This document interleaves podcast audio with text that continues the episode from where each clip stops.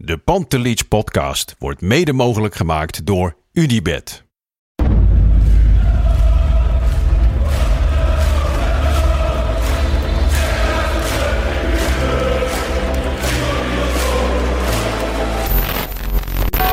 For me, they can have just lot of goals, lot of fun, and some some other things. Oh, André Rieu. Geweldig. Zo mooi altijd voor belangrijke Europese potjes. Maar het hoort ook echt bij de Pantelich podcast hoor.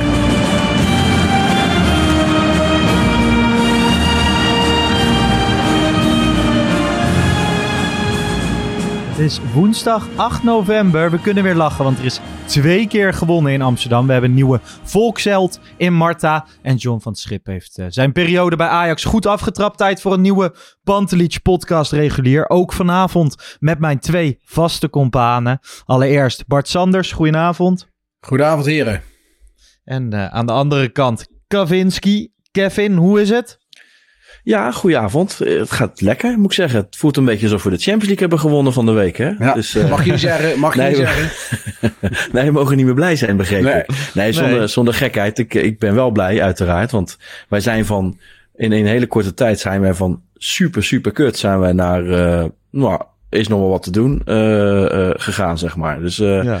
Ja. een stijgende lijn. En ik hoop dat we die nog even door kunnen zetten. Ja. Nou ja, er is heel veel gebeurd in één week tijd. Het lijkt wel alsof er ehm, veel meer tijd tussen zit sinds wij de vorige podcast opnamen. Kev, als ik jou vorige week op de man af had gevraagd... hoeveel procent geef jij het kans dat Marta ooit gaat debuteren in Ajax 1? Wat had je dan gezegd?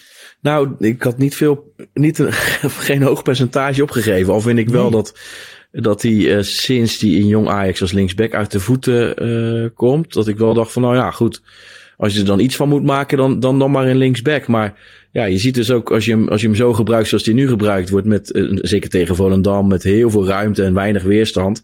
En met Bergwijn naar binnen, dan, dan komt hij best wel aardig uit de verf. Ik vind, kijk, verdedigend is hij weinig getest. Tegen Herenveen werd het al iets eh, lastiger voor hem. Lag hij een paar keer op zijn gat. En, en ja, het is toch een spriet om te zien. Maar voor de rest, het is een heel guitig eh, ventje en ik gun hem de wereld. Ja. Dus ik hoop eh, van harte dat hij nog eh, door kan blijven ontwikkelen. Maar nee, ik, het- hij stond niet bovenaan mijn lijstje eerlijk gezegd. Nee, Bart, je kan wel zeggen dat eh, op die avond de bom barstte ook in onze groepschat hè, van de Pantelich podcast. Volgens mij zeiden wij Ja. alle zes van wat gebeurt hier joh, Marta? Ja, ja, terecht ook. Hè. Kijk, ik zette het misschien wat zwaar aan later op die avond. Maar het was natuurlijk wat Kevin zegt helemaal terecht. Het is een van de laatste spelers waarvan je verwachtte van Jong Ajax dat hij zijn debuut zou maken.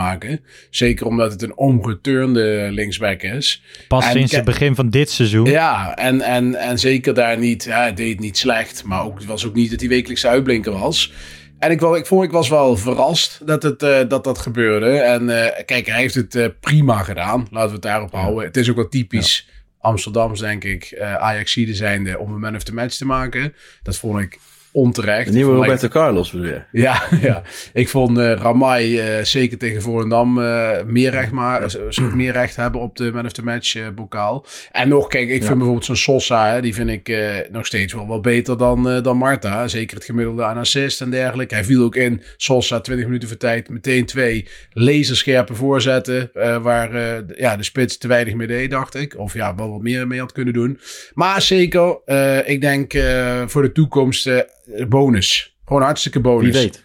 Ja, Ja. want wij hebben ooit, hè, Kevin Veldmans, eigenlijk min of meer een beetje hetzelfde verhaal. Was vroeger ook niet een heel erg aansprekende naam in, in, in het, eh, in het Ajax-jeugd. Wel iets meer dan Marta natuurlijk. Maar had je ook niet verwacht hè, dat dat zo'n stabiele Ehm, factor zou worden. Tenminste, had ik niet toen. Nou, ja, maar hij was al iets ouder in, die, in een hele goede lichting. Hè? Dus hij speelde Next Gen series toen Ja. de tijd nog. De voorloper van de, de Youth League, of wat hoe heet Ja? het nu? Ja, Eh, nee, klopt. Ja, eh, speelde die met Danceville voornamelijk in het centrum. En ik vond wel dat, dat je toen zag dat het wel een aardige stopper was. Maar, of een aardige centrale verdediger was. Alleen ja, om dat dan helemaal te vertalen naar Ajax 1. Dat is wel eens lastig. En Ja. heel vaak valt het tegen. En soms is het juist helemaal andersom. En bij Marta, ja, ik moet het nog zien hoor. Ik weet niet of het uiteindelijk Ajax 1 materiaal is. Ik betwijfel het eigenlijk. Maar goed, ik wil niemand zijn bubbel doorprikken. Want nogmaals, ik vind het een, eh, een guitig ventje. En ik gun hem de wereld. En, maar Nou, het is wel een even beetje als je, sceptisch.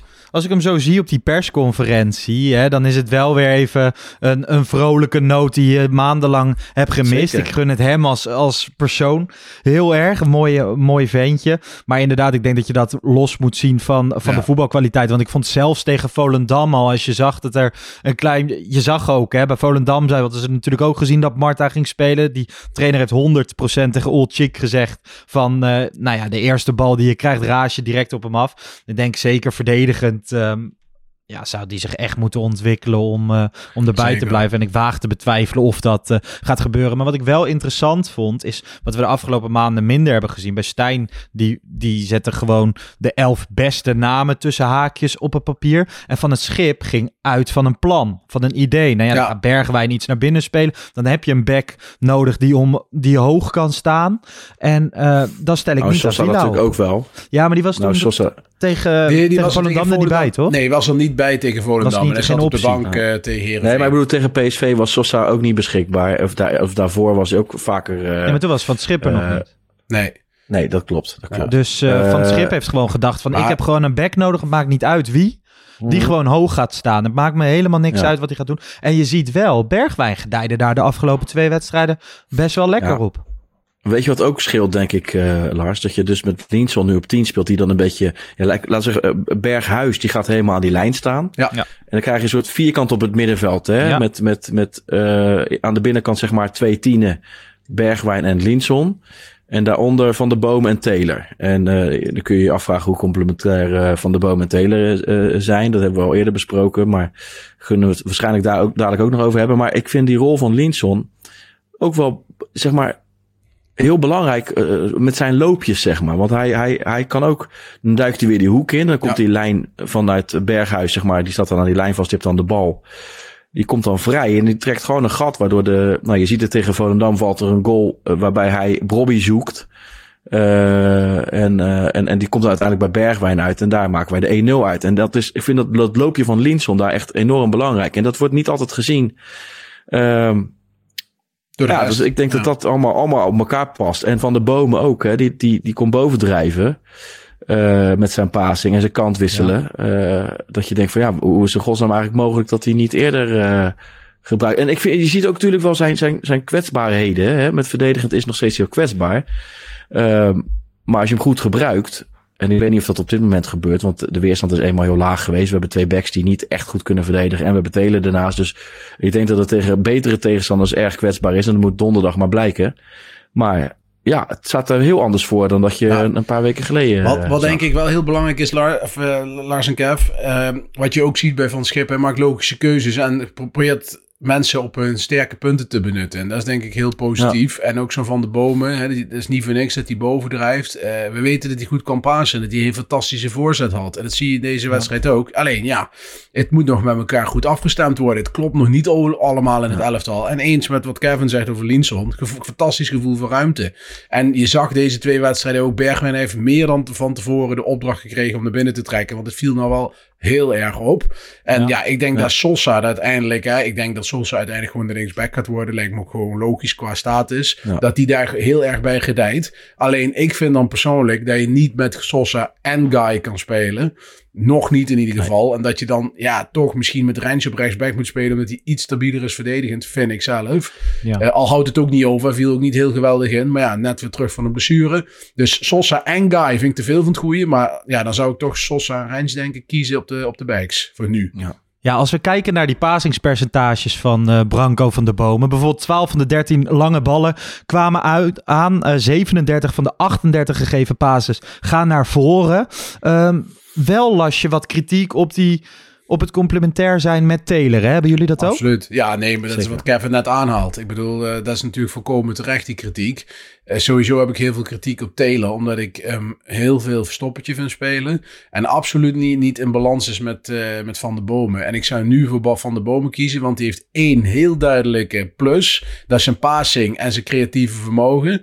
Eh, en, en Taylor vind ik gewoon, ja, ik weet niet zo goed waar je aan hem hebt. Ik vind het, ik vind het de ene Ja. keer denk ik, ja, het is meer echt een 10. Hij is helemaal geen, geen 8 of 6. Eh, ja, ik zou, daar moet echt een stopper naast. Of een controleur, vind ik. En of Vos dat is, betwijfel ik. Of eh Tahirovic goed genoeg is, betwijfel ik ook. Ik zou, denk ik, Manswerk op papier in ieder geval. We hebben pas 45 minuten van hem gezien. Maar ik zou hem zeker nog de kans geven. Zou die complementaire zes moeten zijn. En dan is het beter in balans. Met Taylor en Van de Bomen samen.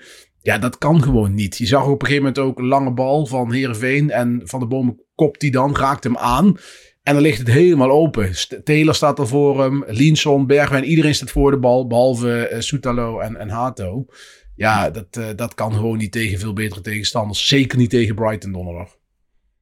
Ja, nee. ik, vind het, ik vind het ook, uh, Lars. En, en, je ziet ook een aantal keer, uh, met name tegen Herenveen, dan, dan komen zij behoorlijk makkelijk onder de druk uit. Volgens mij ook omdat Taylor aan het zwemmen is en niet goed weet wanneer hij door moet uh, drukken. En ja, je zag volgens mij ook toen Vos het veld in kwam. Hij heeft ook die power. In, in drie stappen is hij al bij die tegenstander. Hij is een stuk mannelijker. Dus het is ook...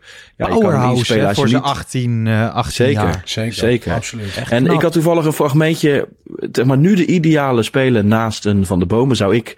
Ja, ik ben altijd een beetje gek geweest van Anita. Hè? En ik heb daar wat fragmenten van aangehaald op, op Twitter. X tegenwoordig.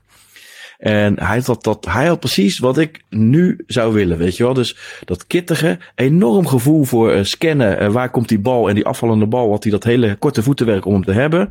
Maar uh, aan de bal ook gewoon simpele oplossing van A naar B naar voren. En het is eigenlijk jammer dat hij ja. misschien wat te vroeg naar Newcastle was gegaan. En daar niet uit de verf is gekomen met zijn, ja, misschien wel toch wat te klein lichaam. Hij is ook als rechtsback gebruikt. Zou ik ook niet gebruiken. Er misschien wat te kleine motor voor. Maar als zes bij ons vond ik het geweldig. Ja, je zou praktisch iedereen, uh, elke middenvelder als back gebruiken. Maar Ferdinand Anita, nee, die er daadwerkelijk nee. gebruikt is, dan weer niet. Uh, nee. nee. maar daar, daar ben ik het uh, helemaal met je eens. Maar als je dan kijkt naar komende donderdag, want dan Brighton, dan wacht er toch wel een tegenstander van formaat. Zit er niet heel lekker in. Dus ik denk dat ze ge, gemotiveerd naar de arena komen. Wat zouden jullie blok dan zijn? Ervan uitgaande dat Manswerk niet kan spelen? Nou, uh, ik denk ja. dat je dan met Vos begint, samen met Van de Bomen en, uh, en Linson en, uh, en Bergwijn, wat, waar we net ook over gehad hebben. Dus ook Sosa op de linksback zetten en Rentje op de rechtsback. Want dan heb je ook in aanvallend opzicht, heb je met Sosa diepgang, heb je met Linson diepgang, heb je met Bobby diepgang. Gewoon mensen die zonder, hè, zonder bal gewoon de ruimtes proberen te zoeken. Heb je met Berghuis en Bergwijn twee mensen die ook in de bal graag willen komen dan heb je met Van der Boom ook een perfecte man op die positie die die mensen kan vinden. Maar ja, je kunt er natuurlijk geen op innemen dat uh, Van der Bomen vastgezet gaat worden donderdag. Of dat ze daar in ieder geval iets mee gaan doen. Ja, en dan moet je zien wie gaat die ballen dan geven. Ja, ja. ja ik, ik, ik, ik, ik zie wel hetzelfde. Ik moet eerlijk zeggen, uh, ik ben wel benieuwd uh, of die zeg maar uh, Sosa gaat gebruiken. Want ik vind Sosa, is, hij kan ook niet verdedigen. Maar hij is in ieder geval wat mannelijker. Uh, en aan de rechterkant zou ik absoluut range gebruiken. En, en dus ook Vos in plaats van Taylor. Ik moet wel even iets rectificeren van mezelf. Want ik ben wat kritisch geweest vorige week uh, op Berghuis. En ik vind het is ook niet zwart-wit, want hij is nog steeds wel eens slordig. Maar je ziet wel, als hij aan die kant staat, toch op deze manier. En ja. Linson laat hem er ook beter uitzien. Die, die paas die hij geeft, daartussendoor, is toch wel gevaarlijk. Uh, hij is er ook duidelijk beter in gaan zitten. Hij werkt ook, lijkt wel harder dan eerder, voor mijn gevoel.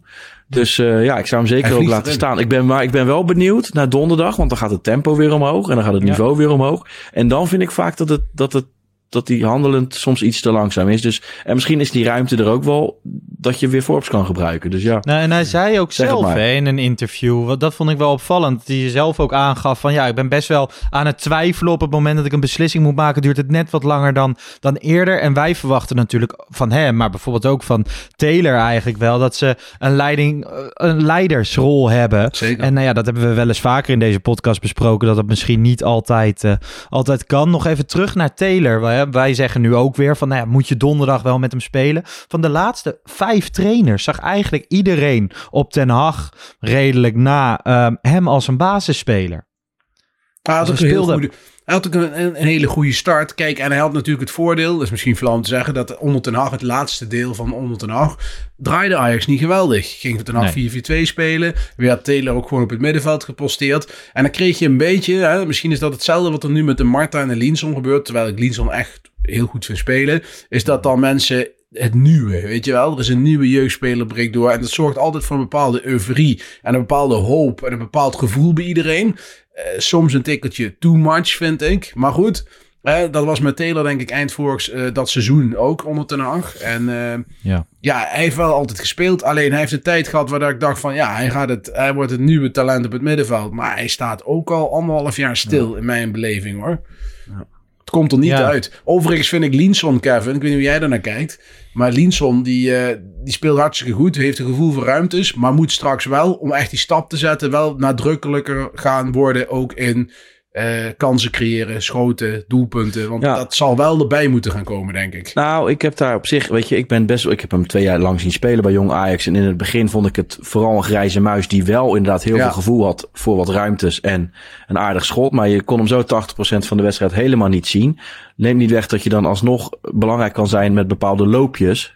Eh, alleen, ik dacht wel van ja, als dit het is, dan is dat niet genoeg voor Ajax 1. En ik vind hem wel nu dusdanig goed. En ik, misschien tegen Heerenveen was hij niet eens supergoed. Alleen ik vind die loopjes van hem zijn zo belangrijk voor, Ja. eh, voor Ajax 1. Voor Brobby, voor met name Absoluut, Berghuis vind ik hem super belangrijk voor. Ik vind zelfs, en dan denk ik wel eens van, als je nou bijvoorbeeld met je rechtsback aan de binnenkant gaat spelen. Als Berghuis aan de lijn blijft plakken. Dan, dan, dan blijft in de opbouw die lijn naar de buitenspeler eh, vrij.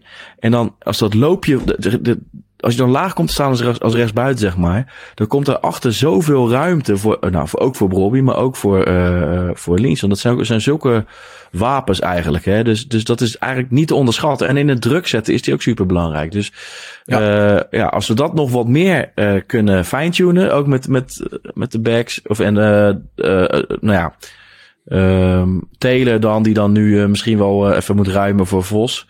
Dan denk ik dat je best wel weer behoorlijk op de goede weg bent. Ja, En niet ik voor het kampioenschap of iets dergelijks. Maar eh, wel gewoon weer eh, wat meer winnen dan verliezen, zeg maar. Ja, zeker. Ja, want hoe hebben jullie afgelopen twee wedstrijden... Kev, jij was in het stadion, ik was in het stadion. Hoe heb je het daar een beetje beleefd? Ehm, nou, ik vond het voornamelijk, eh, als we het over eh Heerenveen hebben, dan vond ik het voornamelijk wel spannend, eerlijk gezegd. En het was nog niet geen uitgemaakte zaak, hè? Want Ajax was niet goed, kunnen hè? zien. Gewoon, er gingen dingen Nee. beter, maar het was geen gegeven dat je Nee. zou winnen. Nee, zeker niet. En eh, ik, ik ben wel. eh, kijk, die laatste 20 minuten was het heerlijk. Hè? Dat is een beetje. Dan ga je achteroverleunen. Dan komt eh, best wel wat ruimte. Want we stonden al 3-1 eh, 3-1 voor. En dan is het net alsof je na de seks nog even een peukje opsteekt. Dat je gewoon nog even zo naar twee goaltjes van, eh, van Akpom eh, aan het kijken bent. En dat vertekent ook wel een beetje voor hem. Hè? Want nu roepen veel Ja. mensen Akpom moet erin. En misschien hebben ze gelijk hoor. Want hij heeft absoluut een neusje voor de goal in de 16. Maar ik vond het een beetje.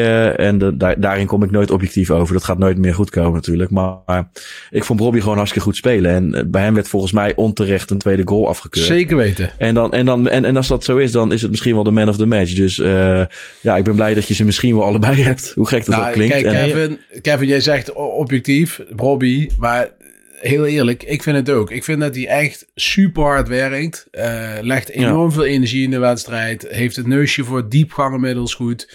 eh, kan in de bal spelen, is sterk. Nou, als ook nog scheidsrechters hem wat vaker zeg maar, in bescherming nemen... dat niet elke eh, speler die omvalt de schuld van Bobby is...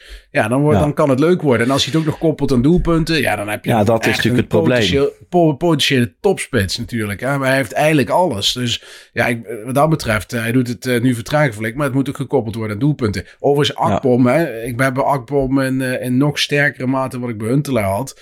Kijk, bij Huntelaar was het ook, hè? die moest nooit uit de 16 komen en gaan combineren en gaan ballen gaan halen. Want dat, dat is gewoon niet zijn ding, weet je wel. Haller ook ook niet trouwens. Haller ook niet, was daar ook geen goede voetballer voor. Maar Haller en Huntelaar, die hadden wel de laatste bal, weet je wel, voor de goal. En die wisten gewoon Maar- precies waar ze moesten staan. Dat heeft hij ook wel, hè? Wat jij zegt is natuurlijk helemaal waar. Want Haller speelde bij West Ham. Ja, En speelde die op de middenlijn. Ze dachten, wat voor kutspits hebben wij gehaald? Ja, en daar kan ik me precies. iets bij voorstellen. Ja, als je hem alleen maar op de middenlijn gebruikt. Ja. Maar als je hem in de 16 bedient, ja, dan is die geweldig. En ik denk dat, ik hoop ook dat dat voor Akpom geldt. Ja. En we gingen over die kans dat, dat, dat Sosa een, een afgemeten voorzet gaf. Maar je ziet wel Mhm. met die, hij komt wel eerst de paal. Hij heeft daar wel heel veel gevoel voor, denk ik, om goals Ja. te maken. En misschien heeft hij net de pech gehad dat hij niet altijd bij clubs heeft gezeten. Waar hij constant in die 16 meter Je- van de je tegenstander... moet alleen eh, niet met hem gaan voetballen. Nee, Nee, daar ben ik helemaal maar met je dat- eens. Dat ziet er niet uit. Daar vond ik dan wel wat van. Want Akpom valt ook tegen Herenveen eerst even in op die nummer 10 positie. Daar snapte ik dus even helemaal niks Nee, van. Nee, ik Nee, niet. Dan niet. valt hij tegen Volendam in in de spits. Nee, dat doet hij redelijk. Dan ook weer tegen Herenveen. Je merkt dat er een klein beetje een, eh, een cultstatus direct om hem heen wordt gecreëerd. Hè, wat ik heel erg leuk vind. Wij zeiden vorige week volgens mij ook in de reguliere podcast van... Nou ja, over één iemand kan je in elk geval zeggen dat het een miskoop is. Akpom. Nou ja, nu, eh, nu staan we met z'n allen te juichen. En dat is ook waarom we drie keer per week een podcast maken. Want ja, voetbal eh, verandert zo snel. Dus dat is dan wel, dat is dan wel grappig. Maar ehm, op nummer 10, dat, Dat moet toch niet meer? Miscalculatie Nou ja. van misschien dat, hè? Gewoon, daar kunnen we toch wel heel eerlijk over zijn. Ik bedoel... Ja, eh, ook al weet gaat hij nu zijn doelpuntjes nog maken. Nee, dat maar betekent al- alsnog niet dat het... Hij is gehaald als Maar team Lars- in principe. Dat was het verhaal. Ja? En dat is hij niet. Hij is spits. Net als Mico Tatsen. We hebben gewoon drie spitsen. Maar dan ga je weer. Als jij, eh, net als nu, had ik hem ook niet gebracht. Want wij werden een beetje in de verdrukking, eh, stonden we. Zeg maar, Heerenveen was gevaarlijk. Ja. En, en, en dan had ik, dacht ik juist van ja, we hebben juist een beetje behoefte aan, eh, aan balvastigheid en misschien wel diepte. Dus ik had Forbes in ieder geval gebracht dat je, da- dat je eruit kon komen, weet je wel. Ja. Alleen dat, dat, dat balvastig heeft hij natuurlijk niet. Zijn techniek laat dat niet toe. Maar al breng je hem in de laatste fase als tien, dus achter een spits. En je kan een voorzet geven dat hij dan precies die ruimte kan zoeken. Dan kan hij misschien wel, want ja, dan is het niet heel veel anders dan een 4-4-2 spits wat hij bij Middlesbrough Ja. eh, is geweest.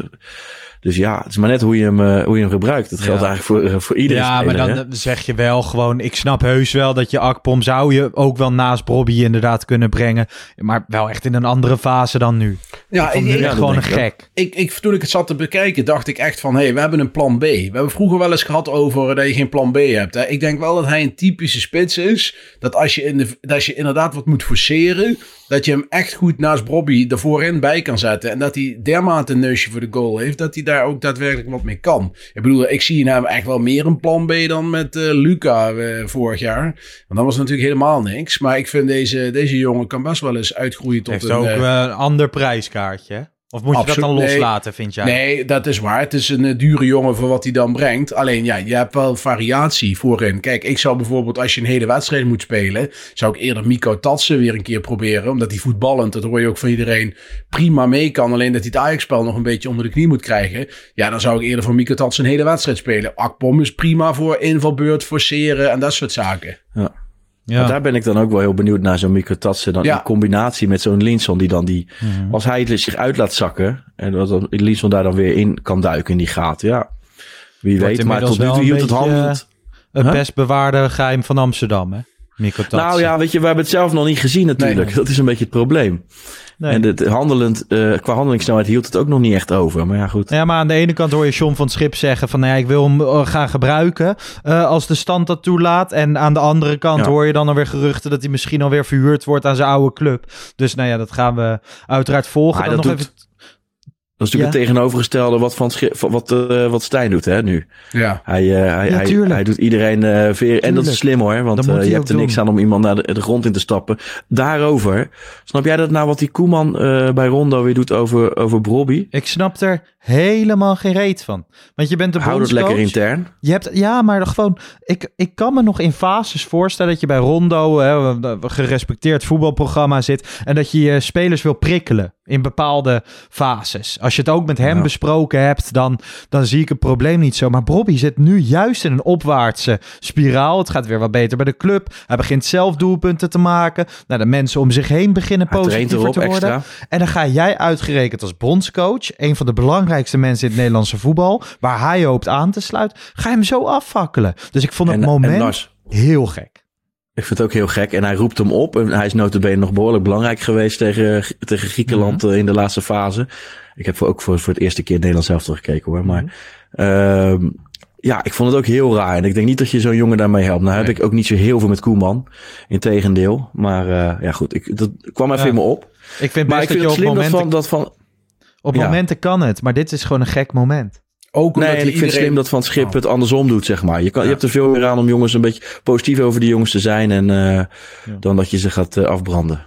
Maar het is wel zo, jongens, hè, dat hij de hele uitzending, want ik heb toevallig ook zitten kijken, normaal kijk ik niet zo vaak, maar dat hij eigenlijk elke speler onderhand die hij opnoemde, was hij aan het, ja, best wel aan het eh pleasen, en aan het veren aan het insteken, de licht, eh, de, de spits. En dan, komt Bobby ineens, weet je, toen ging het over Luc de Jong, en dan ineens uit het niks eh, over Bobby dan heel, heel negatief of heel prikkelend. En hij roept hem op.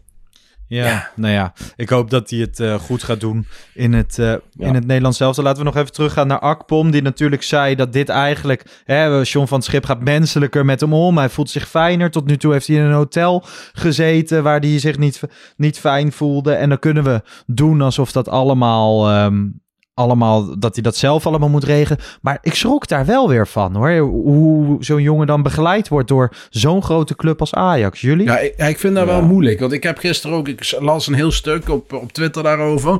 Kijk, we hebben natuurlijk met eh, Herman Pinkster, die jaar en dag spelersbegeleider is. Daar hoorde je heel lang ook gewoon goede verhalen over. Ik weet dat uh, Sam Verhaalte ooit een interview namens Vice uh, heeft gedaan met hem. Daar stond heb ik van de week ja. eens terug zitten lezen.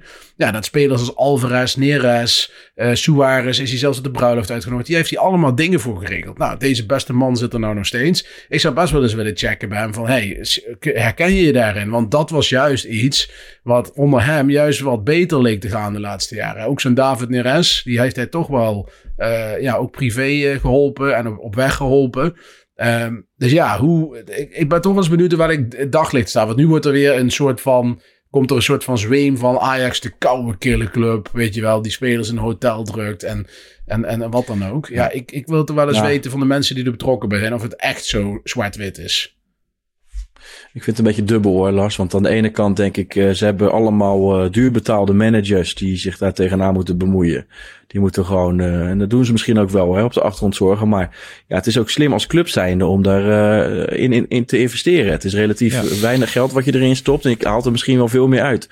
Maar ik vind het ook wel weer kansloos dat de, de door Stijn mensen dan in de media allemaal roepen dat het allemaal dat het een jongen van 28 is die maar uh, zijn mond moet houden. Ja, de dikke advocaat van kant. deze wereld. Ja, maar je moet een beetje nou, de, bijvoorbeeld, de, bijvoorbeeld de oude generalen. Het is ook Johan een Derksen. Ja, ja maar je moet ook twee dingen scheiden, jongens. Hè? Want hij zei twee verschillende dingen. En ik vind wel daar een heel groot verschil in zitten. Eén ging het over huisvesting. Nou, dat hij in een hotel zat. Heel vervelend. Maar ik vond veel belangrijker wat hij zei over het persoonlijke gesprek met de trainer. Daarin hmm. merkte je gewoon van... Hè, kijk, een huis regelen en dat soort dingen, tuurlijk. Dat moet ook gebeuren. Maar het ging hem, wat ik vooral heel erg pijnlijk vond... was dat hij nu pas voor het eerst een goed gevoel overhield aan een gesprek met een trainer die ook eens gewoon eens vroeg hoe het met hem ging. Wat, zo, wat in zijn leven speelde, hoe het met zijn kinderen ging. En daar is gewoon wel een brevet van onvermogen richting Stijn. Nou, maar sowieso hè, gewoon, want daar hebben we het vaker in deze podcast over gehad. Maurice Stijn is de afgelopen jaren in Nederland, heeft hij zich geprofileerd als people manager. Toen hij bij Ajax kwam, toen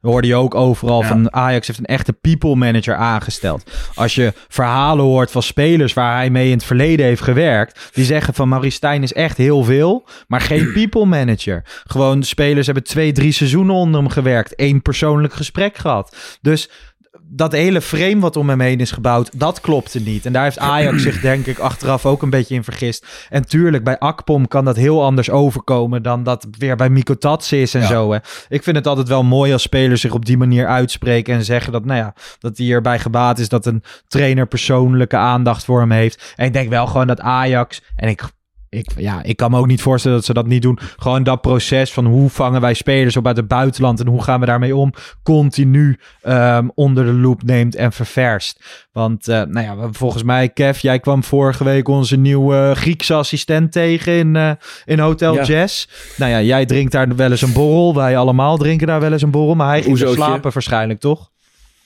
Ja. Dus, Daar ging ik wel vanuit. Hij zat daar met Bakati op een bepaald moment. Dus, uh, ah, lijkt me een mooi duo. Ja. Onze Griekse god en Bakati. Kan je wel een pilsje mee drinken, denk ik. Ik heb me er weinig mee bemoeid. ja. Heel op een gegeven moment. Dus dat, dus, uh, hij heeft wel een goede uitstraling, onze Griekse vriend, ja. vind ik. Uh, ja. Of die rechtstreeks in de film Snatch uh, gelopen komt. Weet je wel, zo'n zo type vind ik het.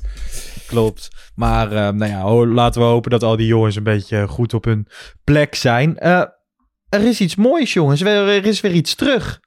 Want uh, oh. vorig jaar hadden we natuurlijk Mokum's Memories. Heel vaak. En toen, uh, nou ja, de eerste weken van dit seizoen is dat nergens geweest. Maar Tamar zei natuurlijk aan die tafel. Van, we vroegen haar, wat is nou echt jouw droomgast? Ja. En toen zei ze, Rotjoch. Nou ja, en uh, Rotjoch wilde maar al te graag meedoen. Dus bij deze. Mokum's Memories. Ik zou je nog echt willen. Met wie zou je nog echt een keer een item willen draaien? Rotjoch. Voor mij zijn die wat regelen, toch? Dus hierbij hoop ik dat het iets... Uh... Rotjoch op je beeldscherm. Hey. Ja, ik, uh, ik zit hier vandaag met jou, Rotjoch, in uh, de Amsterdam Music Studio in Diemen. Um, En we gaan het hebben over Ajax. Maar je hebt een tijdje geleden wel een nummer uitgebracht over Ajax met Architrex, Jaxie Mannetje. Man in het midden. Links wit, rechts wit. Zo is het altijd al geweest. Zo zal het altijd blijven. Wat denk jij dan, grap? Amsterdam, Amsterdam, Amsterdam. Rotzig door je speakers. Archie, vertel ze waar we vandaan komen. Jaxie mannetje, rood-witte embleem. Ik kon het redden, maar die blessure was Het is niet eens een eh, track over Ajax. Het is meer een statement. Wij zijn gewoon Jaxie-mannetjes. Ehm, en hoe, hoe, hoe het ook gaat met onze club, wij zullen dat altijd blijven. Is dat iets wat je belangrijk vindt? Dat we er op, deze, mom- op dit soort momenten wel zo in staan met z'n allen? Wij hadden zoiets van, weet je, het gaat slecht. Ehm, we gaan hem gewoon een dag voor Ajax Feyenoord droppen. En gewoon meer om mensen op te zwepen. En mensen weer het gevoel te geven van, hé, hey, dit is wel Ajax. Hè. Jaxie mannetje, rood-witte embleem. Ik kon het redden, maar die blessure was extra. Uitgesproken Ajax-ziet. Ja. Ehm, ik ben wel benieuwd hoe dat is ontstaan, heel lang geleden. Hoe jij Ajax-ziet werd. Mijn vader volgde ook Bayern München en AC Milan. Maar omdat ja, Ajax is Amsterdam, heb ik eh, al heel snel, eh, voordat ik tien werd, eh, heb ik eh, gewoon gekozen om uh, ajax te zijn. Op een gegeven moment kwam ik eh, in Holendrecht te wonen. En ik woonde in een appartementencomplex en daar eh, had ik een buurman. En die nam mij af en toe mee naar de meer. Ja. Uh, en toen was ik een jaar of tien of zo, elf. Eigenlijk het jaar van rond 94, 95 kocht mijn vader ook wel eens kaartjes voor Europese wedstrijden. En dan mocht je mee. Ja, Olympisch Stadion en ook de begin van de arena-tijd. 94, 95 en toen won uh, Ajax de Champions League tegen iedereen's verwachting in. En uh, daarom heb ik dit mooie boek meegenomen. Europa Cup 1, 1995. En uh, dat is een boek wat ik van mijn vader als cadeau had gekregen na de winst. En uh, hier heeft hij een, heel mooie, uh, hele mooie tekst voor me geschreven. For my precious son Angelo, best wishes papa. 16 juni 1995 Amsterdam. Is dat een van je mooiste herinneringen, die Europa Cup 1? Ik denk wat Ajax betreft wel, weet je. Je was ook jong natuurlijk. Ik was jong en dit was de eerste keer dat ik uh, ja, echt, um, ik heb echt de, het was net alsof uh, Amsterdam explodeerde. Of ja, Amsterdam explodeerde ook gewoon. Het was echt gek uh, op het moment dat uh, Kluivert die goal scoorde en er werd afgefloten. Moet je nagaan, ik woonde in Zuidoost. En zelfs in Zuidoost overal worden je auto's toeteren. En wij stapten meteen, mijn vader kwam halen en we stapten meteen in de auto en gingen richting het Leidseplein. En dat was gekkenhuis en we zijn in de nacht nog op het Leidseplein, et cetera, in de stad geweest. En natuurlijk de dagen daarop, ja, topjaar, topteam, heel jong team ook. Ja, want in datzelfde jaar, je hebt ook nog een, uh, een krantenstuk mee, ook 1995. Kan je hier wat over vertellen? Want uh, hoe heb je deze ervaren? Heel mooi. Dus uh, ik ga mijn hand voor de. Het is een hele slechte krant. Je moet stoppen met al dat gelul over, over Ajax. Ja, jij ook, Mike. Maar goed, sorry hoor, ik moest even kwijt. Ja, ik begrijp het. Ja, Mike, Mike, Mike volgt me op Twitter, ik volg hem ook terug. Hoor. Maar uh, we praten wel eens met elkaar. Maar hij moet, hij moet even kappen nou, jongen. We moeten nu, we moeten nu je bent toch Ajax, word je. Dan moet je nu even wat... Uh, positiviteit. Ja, positiviteit, jongen. Kom op nou, jongen. Um, nee, dit was Ajax tegen Gremio. Dat was uh, Danny Blind natuurlijk de man. Met ja. de bes beslissende strafschop. De beslissing op de schouders van aanvoerder Danny Blind van Ajax. Hij neemt de verantwoording die de aanvoerdersband met zich meebrengt. Danny Blind. Hij doet het en Ajax wint de Wereldcup. Dit is een kranten... Uh, ik heb dit gewoon bewaard destijds. En dat, dit was ook nog een tijd voor internet. Mm -hmm. Dus ja, toen waren we meer op uh, kranten kopen de volgende dag en dingen bewaren. Jij was toen de tijd natuurlijk erg jong. Hoe, hoe heb je die, uh, die dag ervaren? Nou, het was dus in, in Tokio. En uh, het was vroeg in de ochtend hier in Nederland. Ik werd net wakker. Dus ik heb hem eigenlijk, om eerlijk te zijn, vooral vanuit mijn bed heb ik hem gekeken. En het was dus, zie ik staan, op een woensdag. Je had geen school of hoe ging dat? Iedereen was... had school, maar niemand ging naar school. Dat kan ik me nog wel heel goed herinneren. Dat iedereen zei van, fuck it, we gaan niet naar school man. Maar ook meer met het idee van, ehm, als ze winnen gaan we naar de stad. Dan gaan we niet op school zitten. Nee. Dus ja, ik was, eh, ik was, ik was ziek. Waar ik ook nog wel benieuwd naar ben. ehm, we kennen je natuurlijk van 101 Bars. En ehm, ik, het valt mij altijd heel erg op dat er best wel, best wel een link is tussen eh hip-hop en voetbal. Ajax sowieso. Wat, wat is die link volgens jou? Het trekt vaak dezelfde, dezelfde mensen aan. Ja, je ziet het. eh, ik heb, ik heb, ik heb Me- Memphis Depay eh, eh, een paar weken voor, voor het WK bij 101 Bars gehad. KNVB vond het volgens mij helemaal niet leuk. Ja, dat zal wel.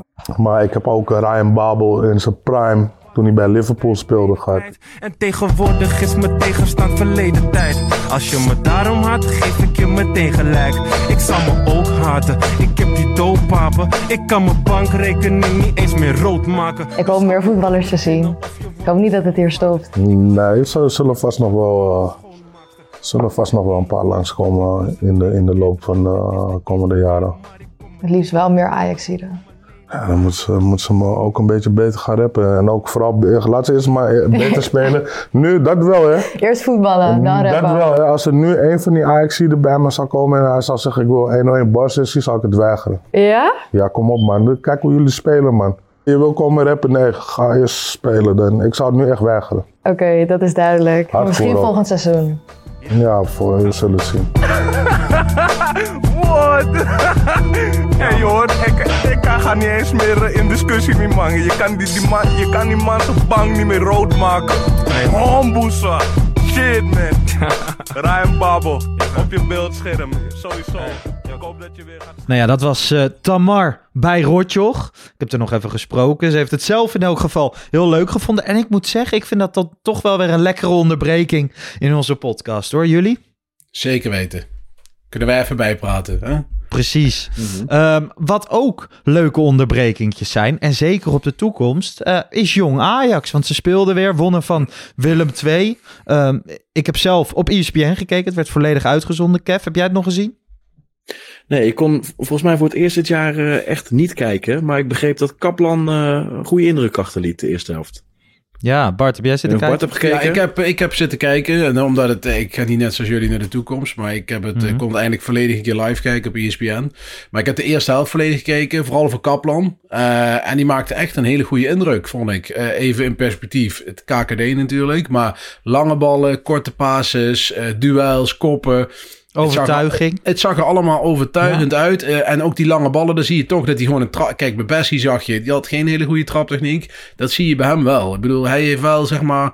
Ja, hij is groot. Hij heeft wel eigenlijk alle wapens wel redelijk goed op orde. Nu is de vraag van, hey, hoe hoog kan hij dat niveau straks aan? Hè? Bij Ajax 1 of misschien wel meer. Maar het ziet er in ieder geval veelbelovend uit. Sowieso werd ik best blij van die eerste helft. Ik zag een aantal goede combinaties, lekker veldspel. Het zag er gewoon heel, heel behoorlijk uit. Het is Dus ik ben echt heel benieuwd. leuk om te gaan Bart? kijken. Ja, ben benieuwd op Wat vond jij van Gooier? Want die speelde eerst zelf weer eens een keer rechtsback. Ja, vond ik. En tweede helft centraal, begreep ik. Ja, ik heb de tweede helft niet gekeken, alleen de eerste helft. Ik heb puur voor Kaplan gekeken. Ah, oké. Eh, ja, gooi je eh, prima wedstrijd volgens mij. Ik heb er niet heel specifiek op gelet, maar ook niet dat ik dacht van poeh, hey, eh, dat ziet er geweldig Nee, hij, uit. hij stak er niet heel erg bovenuit. Nee, maar hij mee. speelde wel gewoon een nette zeven. En Ja. dat vond ik bij, bij veel jongens hoor. Ik vond het een prima wedstrijd van, van jong Ajax. Dat dus won van Willem II, die al zes, zes duels op rij ongeslagen waren. Dus dat Ja. is, dat is knap. knap. Ja. hey, jongens, laten wij naar ons eh, favoriete onderdeel van de podcast gaan. De Ajax alfabetautomaat. Zullen we maar eens even kijken wat er vandaag uit die Ajax-alfabetautomaat komt. De letter H. Yes, deze week eh, de letter H. En dat zijn er weer wat meer dan vorige week. Want toen kregen we de Y voor de voeten. Ik noem er even een paar op. Hato, Huntelaar, Heitinga, Haller, Van Halst, Linson, Ariaan, Barry Hulshoff, Bobby Harms, Sontje Hansen, Van de Hoorn. eh, natuurlijk Mickey en Cor van de Hart. Maar wie hebben jullie eruit gepikt, Bart? Begin jij maar. Nou, ik eh, heb gekozen weer niet voor een standaard naam, maar Brutal José. En eh, dat zal voor veel luisteraars misschien niks eh, zeggen. Maar voor de, de, de oudere jongen onder ons, die eh, ja, jonge spits, eh ten tijde toen Kluivert vertrok bij Ajax in 97 was het, meen ik. Ja. Toen kwam Brute José, ik geloof zelfs met rug nummer 39 viel die in. En een grote, brede gozer uit Curaçao. Voor mijn gevoel ook echt heel groot. Maar ik heb het net opgezocht. Hij was slechts 1,82 meter. Maar de nieuwe Kluivert, goede spits. En eh, ja, hij was eh, meer hype dan eh, dat hij goed was, eerlijk gezegd. Maar in die tijd bij Ajax, dat elftal van de A1... dat versloeg toen ook geloof ik Manchester United met 7-0. Barcelona Ja, met 6-0. schoot die, dat was toch die gouden jeugdgeneratie. Ja, met Van der Gun, Van der Meijden, Pascal Heijen, hij. eh, dat, dat was Daryl. Douglas. Ja, dus dat was wel... Hebben er twee van te Ja, gast ja, gehad natuurlijk. precies. met Dus dat was wel een leuke generatie. En hij was daar in de spits. En eh, ja, hij heeft er uiteindelijk niet heel veel bij, van gebakken bij Ajax. En hij heeft nog Nee. bij Sparta gevoetbald. En ook nog bij de Graafschap, geloof ik. En later nog een keer in, Ja. in de zandbak. Maar eh, dat was het dan ook. En, eh, maar ja, het was, wij waren natuurlijk jonge gasten. En dan komt er zo'n jeugdspeler. Kijk, dat zie je nu ook hè, met Marta. Dat dat toch dan een extra lading geeft. Ja, dat was bij José toen, denk ik. Nou, eh, en keer terecht, omdat we, we blijven Ajax ziet. En dat blijft ook het allermooiste als de jongens uit de Ja. jeugd, eh. Ja, dus jeugd dat was, eh, dat was heel leuk. En je zit, Een ja, je zit, dan ook, je je zit dan ook altijd in die... Tenminste, daar ben ik dan te hopen dat iemand het goed doet. Hè? Dat iemand eh, even een, een bal erin schiet of wat dan ook. Nou, dat was bij José helaas Maar dat niet. is Ajax toch apart. Ik bedoel, je kan eh, voor Real Ja. Madrid zijn en dan weet je dat er 300 miljoen eh, uitgegeven wordt aan spelers. En bij Ajax is het relatief gezien natuurlijk ook wel zo dat er veel geld wordt uitgegeven aan spelers. Maar ik vind het ook mooi dat je ja, ieder jaar of iedere zoveel jaar dat je wel weer iedere keer Ja. weer mooie nieuwe talenten Precies. eh, kan aanschouwen. En de ene haalt het en we zijn er in ieder geval allemaal nieuwsgierig Dat- naar. Ja, Kev. En, eh, Ik ja. heb daar wel een vraag over. Want vorige Ja. week, hè, of deze week, doet Marta het dan goed bij Ajax. En ik heb ook nog, eh, ik zat laatst toevallig die Pantelic toekomstvideo's van ons nog eens terug te kijken. Toen speelde Marta al in jonge Ajax. En ehm, nou ja, benoemden wij altijd dat, dat hij het in elk geval niet ging redden. Vorige week waren we ook erg verbaasd. Had jij dan ook een moment deze week, want ik had dat zelf wel van, ja, snap ik er dan echt helemaal niks van? Kan ik de, zie ik het dan niet? Of eh, hoe kijk jij daarnaar? Ik heb dat regelmatig. Ja, ik heb dat regelmatig, eh, Lars. Maar nee, ik, kijk, sommige, de, de, zeg maar, ehm, ontwikkeling gaat natuurlijk nooit eh, gelijk. En ik moet zeggen, het verbaasde mij alsnog nu hoor. Alleen, ehm, ja, het is en de manier van gebruiken. En hij is zich, ja, ontegenzeggelijk heeft hij zich doorontwikkeld. Zeker als linksback. Ik denk dat er heel snel tegen hem verteld is, oké, als rechtsbuiten ga je het sowieso niet redden. Eh, en dat is goed gedaan, want ik, ik betwijfel nog steeds of het voor Ajax een linksback. Maar ik denk dat het best wel een bruikbare eredivisie Zeker. linksback kan worden. En wat hier... Ja. En ik hoop eh, nogmaals van harte dat hij dat voor Ajax kan worden. Alleen eh, ja, soms heb je Ja, dat wat- inderdaad wat die eh, jongens wel ook eens. hebben, En, eh, en ook heel vaak dat, dat als wij eh, grote talenten zien, dat het, eh, dat het tegenvalt. Tuurlijk. Nee, maar Dat ik was er toch even benieuwd naar. Wie had jij eh, met de letter H? Ja, weet je, schoot maar te binnen. En normaal gesproken doen we niet zo de voor de hand liggende, maar het is ook wel een beetje actueel. En ik ben niet zo vaak eh, jaloers op concurrerende clubs. Maar eh, toen ik eh, vroeger, net als Bart, de Shell jeugdcompetitie keek, speelden ze bij PSV een spits. En die heet Klaas-Jan Huntelaar. En daar was ik toch een beetje jaloersig op, want die duwden ze achter elkaar erin. En eh, nou ja, die, die is daar uiteraard niet geslaagd. Want die hadden toen, ik meen nog Van Nistelrooy en Kersman. En toen is die via een omweg, via AGOVV, of all places, is die eh naar, naar Heerenveen. En daar scoorde hij aan de lopende band. Is die bij ons terechtgekomen. Nou, ik, eh, ik bedoel, ik heb echt enorm genoten van zijn, van zijn ja, lust voor goals. En, en die had zelfs zijn eigen, dat is volgens mij nooit eerder gebeurd, een eigen doelpunt te tune. Naast eh, One Step Beyond was het ook, eh hoe heet dat, dat nummer van uh, Ja. Wonderbaar, wat dan ver- veranderd werd in, eh in Ja. Huntelaar, Huntelaar. Maar eh, nee, uiteindelijk voor eh, 27 miljoen verkocht. En wat ik ook mooi vind aan hem en teruggekomen, dat is één ding. Dat is ook weer iedereen die belooft dat hij terugkomt. Als hij daar een euro van mag krijgen, dan waren we alle drie miljonair geweest. Ja. En hij doet het. En ehm, wat ik ook mooi vind, want alle Ajax-prominenten de laatste tijd, eh, die hebben wel wat te vinden eh, in de media. Maar hij doet het, hè. En, en met alle gevolgen van dien. Want een hoop kritiek gehad is eigenlijk te vroeg voor de leeuwen gegooid. En eh, ja, dan is die naam al behoorlijk besmeurd geraakt. Terwijl ik weet, hij heeft zich helemaal de blubber gewerkt en doet dat nog. Ja, met alle gevolgen van dien. Ja. En ik hoop van harte dat hij, eh, de kans krijgt om in ieder geval weer terug in de organisatie te komen. Want uh, als iemand een op- en top Ajax ziet, is, is het uh, Klaas-Jan Huntelaar en een mooie vent boven Ja, want als je het over guitige bekkies hebt... Hè, we, dat werd bij Marta ja. gezegd, maar ik vind dat bij Huntelaar ook altijd. En niet alleen vroeger als hij een doelpunt maakte, maar nu ook als je hem tegen het lijf loopt op de toekomst of zo. Hij heeft echt, uh, echt een guitig bekkie en een Ajax-uitstraling. Ik deel helemaal je mening. Zeker, zeker. Wat uh, die Huntelaar, nou, dat die was weet je nog, Kev, dat hij gekocht werd in de winterstop.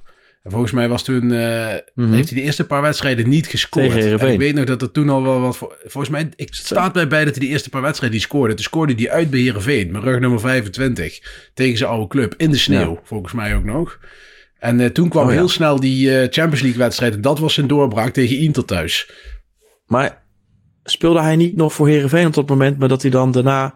Zou dat het geweest zijn? Ja, dat zeg maar, zou scoorde nog tegen zijn, ons ja. en toen hij daarna naar Ajax is gekomen volgens mij. Dat, dat zo, zou het wel eens kunnen zijn. Weet je wat ik zo bijzonder vind? Bart, want hij uh, kwam terwijl we eigenlijk volgens mij die zomer hadden we twee spitsen gehaald. Met Gary Steels en Rosenberg. En Rosenberg ging dan maar een beetje vanaf rechts spelen als uh, Rosales, uh, volgens mij zelfs Gary Steels een keer grappig, rechts gespeeld. Maar, maar wat jij zegt klopt volgens mij. Het was, hij speelde toen niet bij Ajax in de sneeuw. Dat was tegen... Dat was de Heerenveen ja. tegen Ajax. En toen ging hij na de wedstrijd of zo, dat was toen nog mooier. Gewoon na de wedstrijd hoorde ja. je al van, hij gaat naar Ajax. En toen kwam hij een week later. Het was eigenlijk al, was al was bekend. Al bekend ja. al, ja. maar ja. ja, mooi is dat. Zeker. Ja. Nu had dat niet meer gekund met de vele Twitters en uh, nee, andere social media accounts. Hey jongens, laten we even naar uh, Vodafone One Number gaan. Want Bart, ik heb dus vaak dat ik tijdens wedstrijden op de bank uh, vaak mijn telefoon erbij pak. Ja. Een beetje doelloos ga zitten scrollen op Twitter. Jij zit natuurlijk tijdens wedstrijden altijd thuis en ook wel veel op Twitter. Hoe doe jij dat eigenlijk? Nou, ja, ik heb er wel wat op gevonden. Uh, Vodafone One Number heet dat uh, tegenwoordig. En ja, dan kun je gewoon je eigen telefoon uh, abonnement verbinden met je smartwatch. Nou, dat is heel simpel. En ja, wat je dan doet, je legt je telefoon weg. En je, je, je pakt hem in als je moet bellen of, of als je iets opvalt, snel moet tweeten. Ja, en verder kun je alles met, je, met je smartwatch doen. En ben je op je telefoon nog bereikbaar voor alle andere dingen. Dus ja, echt helemaal top. Kan het aan, aanbevelen. Is wel, uh, want dat klinkt heel erg lekker. En het klopt ook wel. Want afgelopen week zat ik in het stadion en dan ging ik in de rust heel even opzoeken. Wat vindt Bart Sanders ervan? Maar je had helemaal niks getwitterd. Dus jij zit je dan echt lekker op die wedstrijd te focussen. Ik uh, zat het maar ik kan niet laten om dan af en toe nog een tweetje te doen hoor. Maar ik zit me wel okay. uh, heel erg te focussen op die wedstrijd. Ja, tuurlijk. Hey, mochten mensen dit nou ook willen, waar moeten ze dan kijken? Ja, ze moeten dan uh, even gaan kijken voor meer informatie natuurlijk op de Vodafone website. En uit mijn hoofd vodafone.nl slash one number, geloof ik. Yes, dat, uh, dat, dat klopt. is de plek, hè? De plek to be. Dat is dus, de place uh, to be. Um, voor ons is de place to be de Europa League aankomende donderdag tegen Brighton. Daarna spelen we weer tegen Almere City uit. En ik moet zeggen, um, de afgelopen twee wedstrijden hebben me een lekkere smaak gegeven. Maar zeker geen gerust gevoel richting... Um, in elk geval Brighton, wat een belangrijke wedstrijd is, willen we overwinteren. Zeker. Maar ik heb, dat heb ik vorige keer ook gezegd, je gaat voor het hoogst haalbare, zeiden jullie toen terecht. En dat vind mm. ik ook. Maar ik ben al lang blij als we een beetje stabiel in die competitie spelen. En alles wat we in Europa erbij pakken, vind ik mooi meegenomen. Ja, eh, gaan we door. Hartstikke geweldig. Van Ajax moet dat ook met haar statuur gewoon eh, proberen te regelen. Maar het ga, ik ben al lang blij dat we even een positieve vibe hebben met z'n allen. En eh, het zit niet tegen. En we spelen iets beter. Spelers lijken beter in een veld te zitten. Laten we daar lekker op focussen en kijken waar we staan in de winterstop. En alles wat we in Europa erbij pakken, vind ik op dit moment mooi meegenomen. Zeg ik heel eerlijk. Ben je het daarmee eens, Kev? Ja hoor, ik hoop uh, eigenlijk voornamelijk dat het als we donderdag eraf gaan en ik verwacht niet dat we 1, 2, 3 gaan winnen. Het zou kunnen hoor, maar ik denk, ik verwacht het eerlijk gezegd niet. Uh, maar als het dan gebeurt, hoop ik niet dat het, dat het afbreuk doet aan het vlootje waar we dan toch Precies. een beetje in zitten, zeg maar, voor de eredivisie. Ja. En ik snap dat het allemaal nog niet vanzelf gaat, maar begin bij vertrouwen en, uh, en opnieuw bouwen. En uh, ja, goed. Voor de rest. Je, en wie weet, en wie weet, donderdag. Ga je naar het Jammer Stadion? Zondag? Nee, nee, nee, helaas. Het is zo'n klein uitvak, daar had ik geen kans voor. Nee, jammer. Want uh, ja, voor het eerst gaat Ajax daar spelen. Hè? Ik zat een beetje naar de statistieken te kijken. Maar dan kan je eigenlijk alleen maar van jong Ajax vinden. Die wonnen de elf keer tegen drie keer gelijk en zes nederlagen. Eén keer een oefenduel tegen gespeeld. Is natuurlijk een beetje de Hedwiges Maduro derby. En uh, centraal achterin met de aanvoerdersband om zijn, uh, om zijn arm. Damien van, van Brugge. Brugge. Ja. Vaste luisteraar van de Pantelich podcast. Oké, dat weet ik dan toevallig. Dat is toch leuk. Dus bij deze, Damien, als je dit hoort, uh, duik even onder een balletje door, zodat bijvoorbeeld Forbes één op één kan. Nee, uh, al, al het succes, behalve de, de punten. Um, zijn we er al van overtuigd dat Ajax dit soort wedstrijden relatief makkelijk naar zich toe zou moeten kunnen trekken? Nee, nog niet. Daar ben ik nog niet helemaal. Daar, daar vond ik zeker tegen Herenveen nog te veel momenten waarbij, uh, waarbij ik Herenveen echt het middenveld zag oversteken. Uh, ruimtes had. Er uh, waren ook genoeg kansen nog en mogelijkheden voor Herenveen. Dus ik ben er nog niet helemaal zeker van. Maar ik vind Almere, als je dan naar Almere kijkt, vind ik dan wel weer een ander kaliber. Dat zit wat dichter tegen Volendam aan. Ja, je moet normaliter gewoon winnen in Almere. Maar ja, ik durf het bijna niet te zeggen. Want wat is nog normaliter dit seizoen? Dus dat is een beetje het probleem. Ja. ja, ik had het even op de tribune erover met iemand. Van, ik weet niet hoe jullie dat ervaren, maar ik vind dit seizoen wel bijna, um, zeker nu de trainer is veranderd, bijna wel leuker om naar te kijken dan, dan vorig seizoen. Um, en dan niet zo erg qua, qua voetbal en zo, maar gewoon, ja, nu kunnen we, we worden in elk geval verrast. Nou, Lars, ik, ik heb dat persoonlijk niet per se. Maar ik, wat ik wel had nog even om terug te komen op vorige week donderdag. Mm. We stonden achttiende. Ja. En ik was wel gewoon trots dat we een volle arena hadden. Ja. En, en dat deed me toch wel goed. Ik bedoel, dat gaan we hopelijk en waarschijnlijk nooit meer meemaken, achttiende uh, positie. En uh, nou ja, het wordt ons altijd verweten dat we een beetje successupporters zijn. Ja, maar, we deden uh, vorige week zelf dat oproepje van kom alsjeblieft gewoon naar het stadion. En als je er niet bent, Ja. laat dan iemand anders op je stoel. Maar ik was ook verbaasd hoor, want en je had die storm, nou ja, die Ja. uiteindelijk wel meeviel. Maar aan de andere kant, op de terugweg heb ik gewoon drie treinen moeten wachten voordat er eentje op kwam dagen. En dan nog in zo'n volle arena. Ik deel dat volledig met je. Ik Nee, dacht, van dit ze die ons niet zin- meer af. In die zin zit er ook wel iets van charme in. Dat als over een paar jaar deze, dit wondje een beetje genezen is en, we, en het gaat weer lekker. Dat je daar altijd naar terug kan kijken. Want ik blijf altijd zeggen, wat blijft er van je over als het kut gaat? Nou ja, ik ben hartstikke trots en blij dat we gewoon eh, allemaal volle bak nog eh, zijn blijven gaan. En, eh, nou, dat, nou, dat misschien, misschien bedoel ik dat ook wel met ehm, één. We worden nu verrast. Dus je ziet nieuwe spelers ingepast worden. Er is weer een opwaartse spiraal. En ik geloof er echt wel in dat Ajax gaat klimmen naar in elk geval de vijfde plek. Maar ook gewoon eh, dat, dat trotse gevoel voor Ajax te zijn is wel weer terug. En daar ben ik van, eh, van aan het genieten. Ehm, Ajax gaat nu een eredivisie-reeks in met Almere City dus. Vitesse, NEC, RKC, Sparta, PEC, Eagles, eh, RKC, Heracles en daarna pas weer PSV. Dus kunnen we een reeks neerzetten, denken jullie? Zeker weten. En dat moet denk ik ook. Hè? Uiteindelijk ben je als club daar wel verplicht. Je speelt tegen allerlei tegenstanders tot de winterstap. Waar je op papier in ieder geval van moet kunnen winnen. En Ja. ja, ja kijk, eh, wat ik al zeg. Je, je staat twee, je wint twee keer. Je staat al elfde. Eh, als je nog een keer drie keer wint, dan eh, sta je gewoon in de top 7. Dus ja, wat dat betreft kan het nog wel eens een leuke eh, tweede seizoenshelft worden. als je moet eigenlijk gaan lijn- zorgen dat je in de tweede helft moet gaan jagen op eh, AZ en FC Twente. Nou ja, en vooral, kijk, ik zie eh, de top, top drie, zeg maar, top vier weinig punten verspelen. En eh, ik denk dat Ajax bij uitstek de club is die dat voor zou moeten proberen te gaan doen in de tweede seizoenshelft bij dat soort teams. En dan word je echt geen, eh, geen tweede en ook geen derde, denk ik. Maar ja, top vijf. Ja, dat moet wel haalbaar zijn. Als, als het gewoon blijft gaan zoals het gaat met een redelijk stijgende lijn. En, en Van het Schip krijgt in de winterstop nog wat spelers erbij. Je hoort dat ze nog een, hè, een ervaren centrale verdediger misschien willen toevoegen. En nog, eh, nog iets in de aanval op de rechterkant. Ja, als, je dat, als, als ze dat goed doen, wat, wat, wat spelers weg, eh, weg, kan, eh, weg kan doen, verkopen voor een mooie prijs. Nou, wie weet waar, je dan, waar je dan eindigt. Helemaal, ehm, helemaal eens. Wat is onze tip aan Van het Schip deze week? Volgens mij is er nog één jingletje, maar we Eh, geven hem wel weer gewoon. Nou ja, ik zou eh, stoppen met Taylor en Van de Bomen. Dat is nou twee keer geweest. En ja, dat, dat, dat zou ik gewoon niet doen. Ik zou of Van de Bomen Tahirovic of Van de Bomen Vos. En, en Taylor als, als stand-in van Van de Bomen voorlopig. Dat zou ik, zo zou ik het doen. Nee, voor mij is die heel simpel ook, eh, Lars. Het is, ik zou gewoon voor Vos gaan in plaats van Telen. Van de Bomen absoluut laten staan. Ik snap dat het defensief kwetsbaar is. eh, maar hoe hij in zijn kracht gebruikt kan worden, eh, als je hem daarin helpt, dan denk ik dat Vos op dit moment de beste man daarnaast is. En daar kun je op doorbeduren, hopelijk. Zeker weten. Ehm, donderdag om kwart voor zeven Ajax-Brighton. Uiteraard daarna een wedstrijdeditie met Thijs Zwageman en Jan Verdonk. Vrijdag speelt A Jong Ajax in een uitverkocht Radverlegstadion uh, in de keukenkampioen-divisie. En zondag om half drie Almere City Ajax. Uiteraard ook dan weer een wedstrijdeditie met Thijs en Jan. Wij zelf zijn er volgende week weer. Volgende week woensdagochtend zoals jullie van ons gewend zijn. En dan was dit dan voor deze week, mannen. Was weer lekker. Toch? Snel gegaan of niet? Was, uh, was toppie. Ah. Ja, Sneller dan normaal, denk ik. Ja, we, wij zijn iets sneller. Maar ja, we hebben natuurlijk ook die Mokum's Memories gehad. Dus al bij al komen we weer uh, op en rondom het uh, uur uit. En dat is alleen maar mooi. Uh, dank voor deze ja. week. Ja, Jullie bedankt, heren. We gaan er weer verzitten deze ehm, week. Blijf vooral luisteren. Doe even een duimpje omhoog. Mocht je kijken op YouTube, abonneer je dan even op het YouTube-kanaal van FC Afkikken. Geef ons 5 sterren op Spotify, want dat helpt ons allemaal heel ja. erg. We gaan een uh, succesvolle Ajax-week tegemoet. Hopelijk. En uh, tot de volgende. Ciao. Ciao.